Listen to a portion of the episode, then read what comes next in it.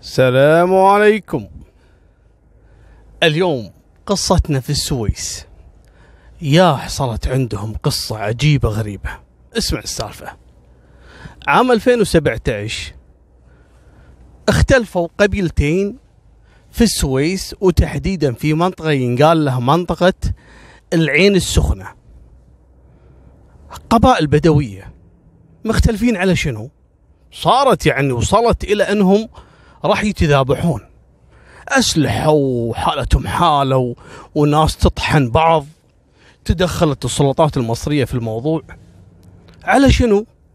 مختلفين على قبر يسمونه ضريح سدنا أبو سريع. أبو سريع هذا توفى قبل 43 سنة. قصته عجيبة. الناس كلها التبارك والتمسح في ضريح أو قبر أبو سريع.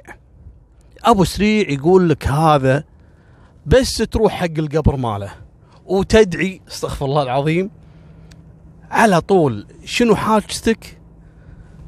تصير على طول. الحريم اللي تأخر في الحمل يروحون هناك ويتمسحون ويتباركون في هالضريح. والرجال اللي يدور شغل اللي عنده مشكلة اللي عنده أي طلب يقول لك يروح حق ضريح سيدنا أبو سريع. من 43 سنة. في هالمنطقة هذه العين السخنة والناس تجيه من جميع أنحاء مصر وتحديدا يعني محافظة السويس واللي حواليها. معروف! سيدنا أبو سريع سيدنا أبو سريع. مالكم بالطويلة. من كثر ما انشهر ضريح سيدنا أبو سريع وأهميته عند أهل قرية العين السخنة قاموا هالقبيلتين كل واحد يعني يتمنى إنه يكون هو المشرف على هالضريح. لكن الموضوع ما هو موضوع يعني تقدير لهالضريح أو إنه حبا فيه لا. الموضوع إن هالضريح هذا قام يطلع فلوس يعني زي الرز. ليش؟ الناس الحين طول السنة يروحون يتمسحون في هالضريح هذا ويقدموا له القربان أو يقدموا له مثلا الهدايا اللي يقط له فلوس داخل الضريح. يا سيدنا أبو سريع أنا عندي حاجة الفلانية ويحط له كم فلس اللي يحط له أكل اللي يحط آه، ذهب اللي يحط ما أدري كذا. علشان كقربان لضريح سيدنا أبو سريع. فانتبهوا العالم إن هالضريح هذا صار مزار وصار مكان يعني يجذب السياح ويجذب الناس وأهل الحاجات في محافظة السويس واللي حواليها.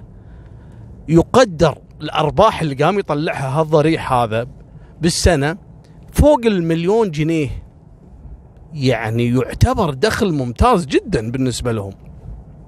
مالكم بالطويلة. صارت هالقبيلتين يتذابحون على هالضريح. منو اللي يكون هو المشرف واللي يرعى هالضريح هذا؟ علشان يستفيد كذلك من الأرباح اللي قاعد يدخلها مزار سيدنا أبو سريع. تدخلت السلطات المصرية وحاولوا يفضون بالموضوع. يبي يعرفون الحين أبو سريع هذا من 43 سنة متوفي. منو أساسا أهل هالميت؟ السلطات المصرية قعدوا يبحثون. منو أهل أبو سريع؟ يعني منو اللي أول من بدأ في رعاية ضريح أبو سريع؟ اكتشفوا انه ما له أهل. الغريب بالموضوع انه شلون بدت قصة ضريح أبو سريع؟ يعني منو أول واحد قال لهم مثلا إن هذا هو ضريح أبو سريع وإن تبارك فيه وإن هذا أحد أولياء الله؟ ما عرفوا مصدر هالمعلومة. لكن عليهم الحين في الحاضر. 2017 يوم وصلت المشاكل بين هالقبيلتين أو العائلتين الكبار هذول في هالقرية إلى مرحلة انه بقوا خلاص انه يتقاتلون قالوا السلطات المصرية خلاص يبا إحنا عندنا حل فاصل بين هالقبيلة هذه والقبيلة الثانية. شنو؟ قالوا راح ننقل ضريح أبو سريع سيدنا أبو سريع هذا ونحطه في مكان سياحي علشان كل الناس اللي يبي يتبارك فيه أو اللي يبي يزوره يعني يكون له فرصة. ما حد يكون مسؤول على هالقبر هذا لا العائلة الفلانية ولا العائلة الثانية.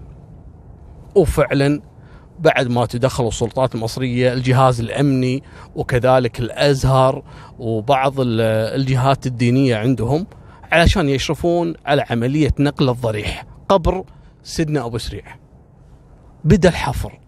هني كانت الكارثة. ليش يا طلال؟ صار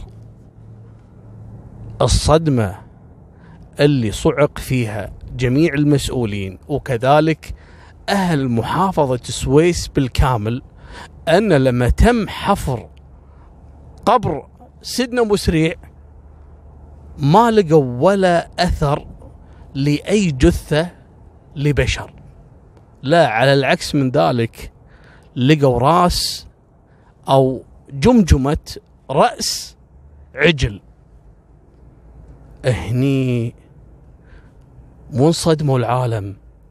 هالناس اللي صار لها 43 سنة تبارك في قبر ما فيه أصلا جثة لأي شخص واللي موجود فقط رأس عجل.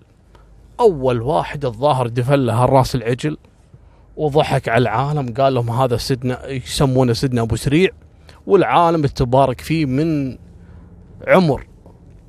لكن ما انكشف إلا بعد ما حصل خلاف بين هالعائلتين. طبعا هالسالفة غريبة صحيح. في سالفة يذكرونها في التاريخ. أيام يعني الأول يعني أن في شخصين أخوان ما يملكون بهالدنيا إلا هالدابة هذه عبارة عن تكرمون حمار. كبر هالحمار وعجز ومات. من حزنهم عليه قاموا خذوه ودفنوه. سووا له نفس القبر لأن هذا ما قصر فيهم هالحمار. طول عمره يشيلهم ويوديهم ويجيبهم ويكدون عليه ورزقهم على الله ثم على هالدابة هذه يشيلون فيها يعني ويشتغلون فيها. فلما مات كان عزيز بالنسبة لهم. ادفنوا وسووا له قبر.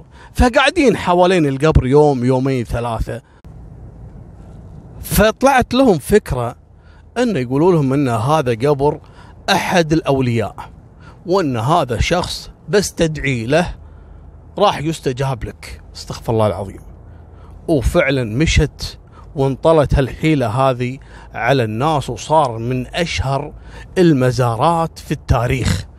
إلى أن جاء يوم واختلفوا الأخوين على الفلوس. منو فيهم اللي ياخذ النصيب الأكبر؟ هذا يقول له أنا اللي طلعت فكرة أن ندفن الحمار والثاني يقول له لا أنا اللي قلت حق الناس وطلعت لهم فكرة إن هذا أصلا ولي فاختلفوا بينهم. فواحد قال حق الثاني قال له أنا اللي حط دفنت الولي مو أنت. قال له أي ولي؟ أنت مصدق إن هذا ولي؟